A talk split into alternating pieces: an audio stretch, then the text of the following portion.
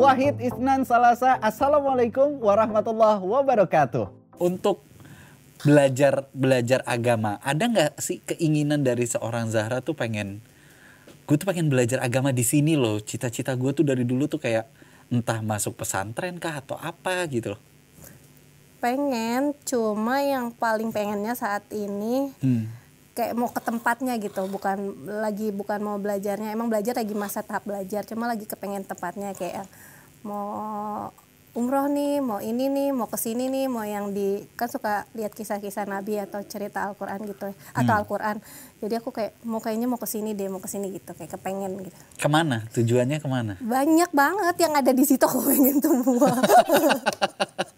Yang paling pengen dalam waktu dekat tuh ke mana? Selain umroh ya, kalau umroh umroh haji tuh udah udah udah jelas tapi lah. kan aku belum jadi aku pengen Oh kamu belum, umroh tuh belum. Oke, kira-kira kapan? belum lah doain ya Amin, kita doain ya. Oke, nah kita balik lagi ngomongin masalah istiqomahnya, ya. Jadi dengan cara Zahra tadi ngeliat eh, acara-acara itu, itu juga bagian dari Zahra tuh eh, memperkuat atau mempertebal istiqomahnya gitu. Ya, Iya lihat-lihat itu kayak apa sih kayak di recharge lagi, dicas ulang lagi gitu. Nah kalau referensi musik sekarang berubah nggak? Dikit, dikit, masih dikit sih. Belum yang berubah banget. Agak susah sih ngil, ng- apa ngilangin kebiasaan-kebiasaan yang buruk itu. Oke. Nah, pada saat sekarang setelah hijrah nih eh sama mama nih masih sering kontak eh, masalah agama kah kayak dinasehatin gitu-gitu nggak? Ngobrol sih kayak ngobrol kayak eh ini ada ini ini ini, ini. lebih ke ngobrol apa gosip sih? Jadi bingung. Jadi bingung. kayak ngobrol cuma emang iya mah gitu. lebih ke ngobrol apa gosip sih jadi ngobrol sih ngobrol. Ngobrol. Iya, emang katanya nggak boleh ini tau mah gitu. Oke. Ngo- tapi sosok mamanya Zahra itu sosok eh, ibu yang agamis atau yang biasa-biasa aja atau gimana sih? Cuek aja kayak yang gimana ya? Kayak yang mungkin suka eh, agak gimana ya duh gimana bantuin dong ya ntar dulu, gimana gua mau bantuin? Gua aja nggak tahu mau ngomongnya apa cuek cuma agama ih, gimana sih cuek cuma agamanya ada sekarang sekarang lebih mendalam sih dibanding dulu kan lebih ke cuek gitu Oke, nah ibunya Zahra belajarnya di mana? Ada ada maksudnya ada gurunya sendiri kah atau sering ikut kajian juga? sama sering nonton nonton gitu sama aku cuma kan dia kayaknya ada ya, pas sering telepon teleponan gitu Oke, ada yang membimbing juga Iya, iya. gitu. Nah, pernah nggak Zahra ngajakin, mah yuk kita bareng yuk ke kajian ini gitu? aku kalau sama mama jadi bingung diem jadinya Kenapa? Nggak tahu kaku aja gitu Nggak nggak nggak sedekat itu gitu? deket cuma kalau yang kayak pergi bareng atau apa jadi Awkward. ambil- iya gitu Oh ya? Mm-mm. Tapi di rumah ngobrol. ngobrolnya gitu aja ngobrol-ngobrol tapi kalau yang ngeluarin semuanya tingkah laku ternyata anaknya begini ya enggak Oh jadi Zahra jaim di depan mama nih jaim. Jaim sih nggak lebih kemut-mutan kayaknya sih gimana sih oh, ya Allah astagfirullahaladzim kayak sulit banget Emang emang pertanyaan dari aku susah-susah? Enggak kan? Itu akunya aja Oke, berarti sekarang dengan adanya teknologi saat ini, itu Zahra tuh benar-benar dipermudah untuk mendapatkan atau meneruskan jalan hijrah ini, gitu kan? Nah, setiap hari ketika Zahra bingung akan sesuatu, Zahra buka YouTube kah atau nanya dari teman-teman kah atau langsung nanya ke ustadz kah atau gimana sih? dari YouTube sih kebanyakan. Kadang aku nanya-nanya aja sama kakakku atau lagi pas datang nanya Hmm. atau mama yang tadi aku bilang mama. Ya kan mah emang bener mah gitu. Oke. gitu.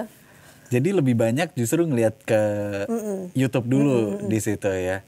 Apa yang Zahra rasakan pertama kali ketika mendengarkan kajian-kajian di YouTube? Karena kan orang ya biasa ya kalau kalau kita mendengarkan nasihat biasanya kalau diri kita merasa dinasehati itu tuh kita suka ah skip deh. suka ngedenger jadi aku tahu oh yang ini ininya ini ya dalilnya ininya ini jadi tahu ada banyak referensinya tahu Siapa sih ustadz favoritnya saat ini? yang sering aku dengar Yang sering didengerin sama Ustadz Abdul Somad Ustadz Abdul Somad. Oke. Iya. Mengidolakan sosok Ustadz Abdul Somad kenapa? Hmm, mas pemahamannya masuk ke aku aja gitu. Kayak yang masuk ke aku tuh cara penyampaiannya mudah dicerna. Mudah dicerna karena apa yang disampaikan walaupun dengan komedinya Iya, iya. beliau kan ya mungkin karena komedinya itu juga jadi aku iya kita gampang nerima gitu kan karena apa yang disampaikan sama beliau juga itu kan bisa dicerna oleh logika. Karena Zahra tadi sempat bilang bahwa Zahra ini bermain logika banget gitu kan ya apa yang paling suka part yang di paling Zahra suka dari Ustadz Abdul Somad? Kayak ada nggak ceramahnya beliau yang Zahra tuh selalu ingat terus wah lucu banget nih.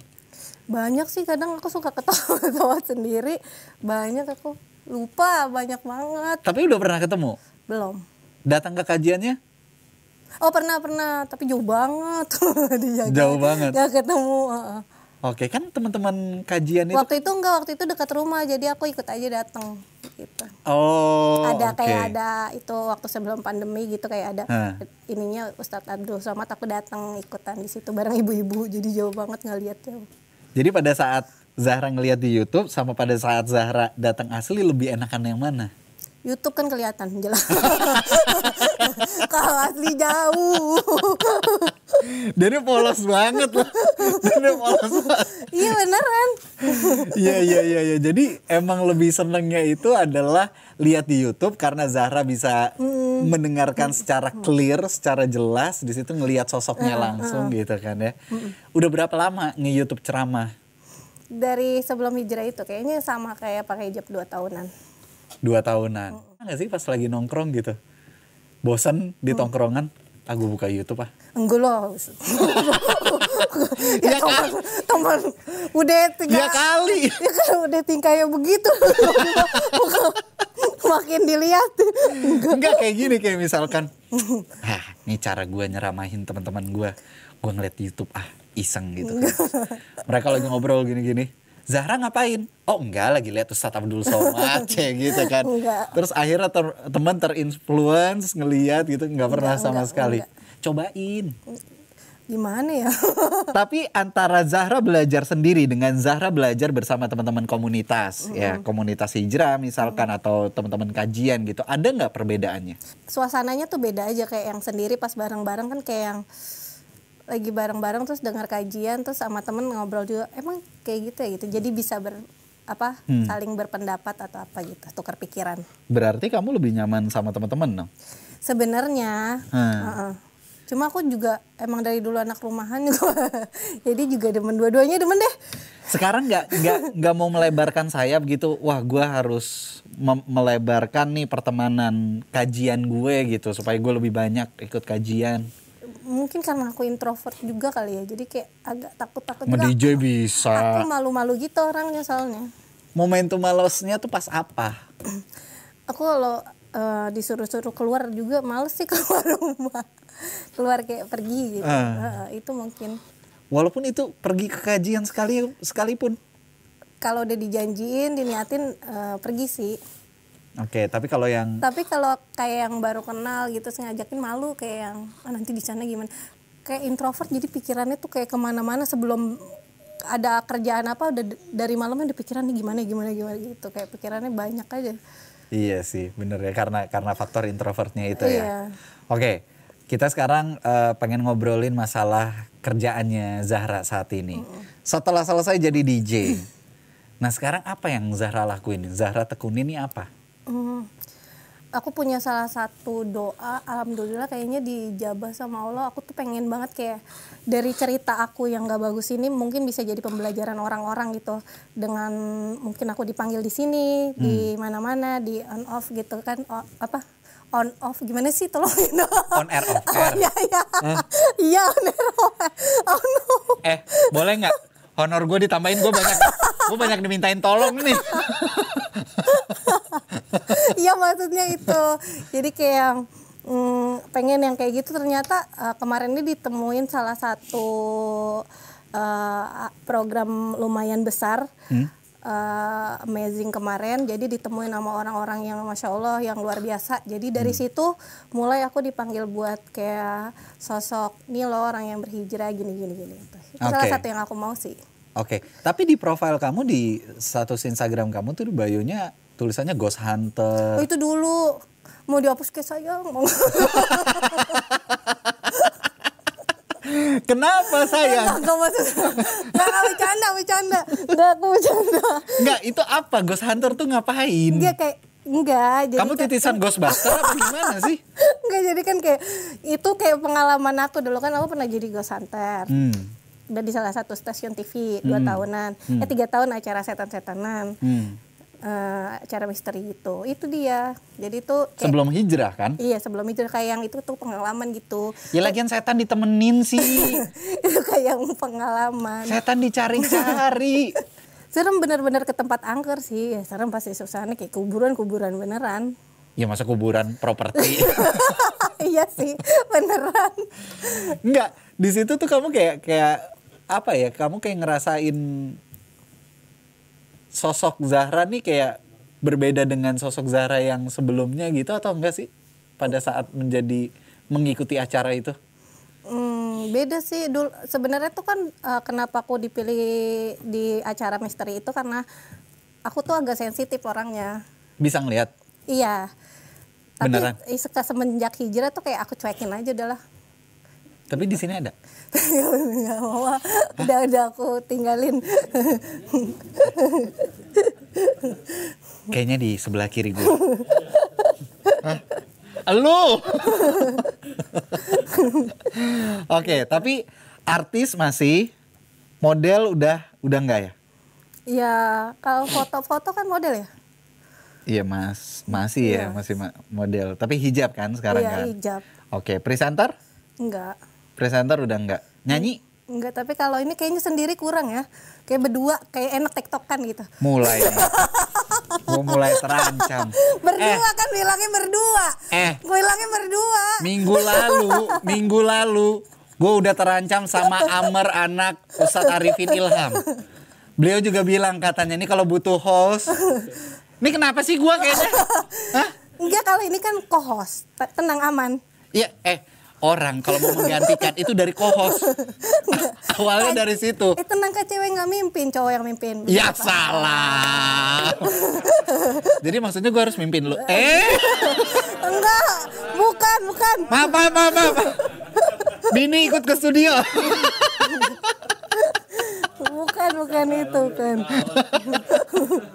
Oke oke oke. Kita lanjutin lagi. Sekarang kan Zara juga sebagai ambasad ambasador produk kecantikan yang berlabel halal. Nah, seberapa penting memilih rezeki dengan baik dan berhati-hati? Ini gue karena udah nggak fokus, gue langsung baca doang. Tuh dari prompter gue baca. Tuh. Pantesan jauh ya Pak. Loncatnya jauh ya. Gimana? Iya. Lo jawab yang panjang ya, jangan pen jangan pendek-pendek lagi. Gue capek manjang-manjanginnya loh. Kan bagian ketawa. Gak bercanda. Terus terus. Ya, kayak yang memilihnya itu kayak bener-bener jadi ini juga salah satu kepengen aku sih jadi yang uh, model-model muslimah muslimah dan alhamdulillah dapet ini gitu jadi kayak ada jadi dua tahun terakhir diuji sama Allah ternyata ada Allah tuh nggak sekedar nguji pasti ada timbal baliknya gitu. Oke, seberapa banyak yang akhirnya datang ke kamu nih ke kayak produk-produk kecantikan? Kan biasanya sekarang kan lagi kayak lagi tren banget gitu kan hijab di mana-mana gitu kan bahkan fashion show juga itu udah banyak banget gitu. Bahkan sampai ke Amerika juga gitu kan. Nah menurut kamu seberapa besar potensinya si hijab ini untuk makin mendunia gitu loh lewat lewat fashion? udah udah mendunia banget kan sekarang udah ke mana-mana tapi yang bermodel-model gitu hijabnya Nah, kamu ikutan juga nggak? Mau nggak tuh? Kalau misalkan diajakin kayak mau mau. Gitu. Kalau itu nggak nggak akan nolak ya? yang gimana sih maksudnya Yang kayak kamu diajakin untuk fashion show hijab gitu-gitu tuh? mau merekanya kali kalau mau nggak bercanda Jadi semenjak hijrah banyak nggak tawaran itu datang? Eh, banyak sih alhamdulillah baru sampai beberapa dulu gitu Tapi kamu pilih banget. enggak sih pokoknya yang produk ya muslim muslim insya Allah sih diterima Diterima semua gitu ya. Tapi kalau produknya yang nggak jelas maksudnya Iya, iya, iya. halalnya gimana itu kamu masih milih-milih banget ya. Oke. Nah, kita ngomongin lagi masalah eh, Zahra ini kan dibesarkan oleh orang tua tunggal terus juga Zahra menikah muda. Umur berapa waktu itu nikah? Setelah SMA. 17-an, Enggak, 18, 19-an deh. 20, Apa 19 atau 19. Iya, kalau nggak salah. 19 tahun menikah, eh, punya anak dan qadarullah akhirnya ditinggal oleh suami karena waktu itu suami sakit kanker ya. Heeh. Kanker apa kalau boleh tahu? Kanker hati. Oh kanker hati waktu itu. Nah waktu itu akhirnya Zahra berpikir nggak sih eh, ketika ditinggalkan oleh suami ada keraguan nggak untuk memulai rumah tangga lagi? Hmm, iyalah pastinya kayak yang takut-takut kayak yang takut-takut gitu. Takutnya apa? Apa yang ditakutin sama Zahra? Ya takut ditinggalin lagi. Kayak ada perasaan kayak trauma, takut gitu. Tapi kan kamu ditinggalinnya bukan karena bukan karena ya ibaratnya bukan karena perselingkuhan atau apa, tapi kan ini kan ditinggalnya karena memang Allah yang berkehendak gitu kan. Iya mungkin karena aku terlalu bergantung kali. karena sekali nggak dapat uh, sosok seorang ayah, pas dapat suami kayak yang kayak jadi bergantung gitu. Pas ditinggalin kayak mas speechless gitu. Linglung gitu Iya. langsung. Nah setelah suami nggak ada pelajaran apa yang Zahra dapetin? Jadi kita hidup nggak bergantung pada makhluk tapi pada Allah Subhanahu Wa Taala. Oke, oke. Jadi kita memang nggak bergantung sama sekali sama makhluknya, tapi kita bergantung sama penciptanya, gitu ya. Makanya Zahra sekarang lebih bisa eh, tawakal, terus bisa lebih apa ya, eh, menyerahkan diri Zahra sama Allah Subhanahu Wa Taala ya. Terus dalam hal mendidik anak nih sekarang, gimana Zahra mendidik anak Zahra sendiri? Zaman sekarang tuh anak pasti begini. Anak kan nggak kayak zaman-zaman kita dulu kayak sama, sama orang tua tuh kayak nurut banget. Sekarang kan pasti ada aja yang dilawan, yang dibahas atau yang diperdebatkan gitu kan kalau anak sekarang. Hah. Jadi kayak yang lebih masuknya tuh lebih kayak temen aja gitu. Ngobrol. Iya. Nah, sekarang anak Zahra udah udah sampai di titik itu belum? Udah, malah pakai-pakai baju aku. Oh ya? iya karena kan kayak eh, su- apa hoodie-hoodie gitu kan anak laki ya suka Hmm, pakai hmm. itu, pakai sepatu pakai gitu. Oke, tapi kalau berdebat udah udah cukup sering belum? Hmm, lumayan sih. Umur 10 tahun udah udah mulai. Debat sih nggak mungkin nanya kali ya, nanya lebih ke nanya. Itu pasti banyak aja tuh yang pengen dia tahu. Iya, iya, iya. Terus waktu pertama kali kamu berhijab dia gimana? Malah nggak boleh dibuka lagi sama dia. Dulu waktu nggak pakai hijab tuh kalau aku pakaian kebuka sama dia suka ditutupin. Oh ya? gimana gimana sih ya Allah. Astagfirullahaladzim. Nah, kamu pernah berpikir nggak anak kamu suatu saat bisa ada di posisi kamu yang dulu gitu loh? Takutnya, makanya sekarang kayak yang eh, aku kayak banyak juga sih sekarang kayak yang larang jangan ini jangan ini. Jadi berpikir ulang, oh ini toh orang tua dulu ngelarang tuh karena ini. Jadi tahu juga sih. Jadi berpikir sekarang. Nah, pembekalan apa yang kamu kasih ke anak kamu? Pembekalan yang eh, yang benar-benar apa sih, terutama agama. Hmm. kayak yang contohnya ya contoh kecilnya Hmm. eh, contoh kecilnya aja kayak yang nanti kalau udah agak besaran jangan pacaran ya gitu gitu tapi dikasih tahu kenapa nggak boleh pacaran ini loh nih baca nih. Hmm. dikasih tahu kayak ceramahnya ini loh. Dia udah ngerti sendiri sih. Kalau nanti dia tiba-tiba bilang, "Mama juga dulu pacaran." oh my god. Enggak enggak kan tapi dia udah tahu oh my god lagi. Kan jadi kayak yang udah tahu dia mamanya. Untungnya mm, alhamdulillah eh, anak yang ditinggal meninggal sama eh, ayahnya kayaknya lebih aku ngerasanya ya Hmm. lebih dewasa deh. Dia jadi dia kayaknya udah tahu deh apa yang dia harus perbuat Oke. Nah, eh yang kita takutin tuh emang biasanya adalah ketika anak mendebat kita, sama ada satu lagi untuk orang tua muda, ketika anaknya bilang, "Pak, ma aku mau ngekos." Hmm. Nah, itu kan kita kayak langsung panik gitu kan, karena kita tahu kehidupan sekarang ini seperti apa. Kalau andai kan tiba-tiba anak Zahra ngomong, "Mah, aku mau ngekos nih." Kamu akan gimana? Jangan tinggalin mama nggak nggak boleh nggak tahu sih aku duh kayaknya aku nggak bolehin karena aku rencananya pas di SMP aku masukin pesantren Oh jadi emang Aku plannya planning, uh. mau masukin pesantren ya. Jadi memang dari sekarang Zahra udah mempersiapkan anak Zahra eh, supaya pendidikan agamanya kuat, Iya. supaya dia tuh lebih eh, jalannya ke arah Allah Subhanahu wa taala gitu ya.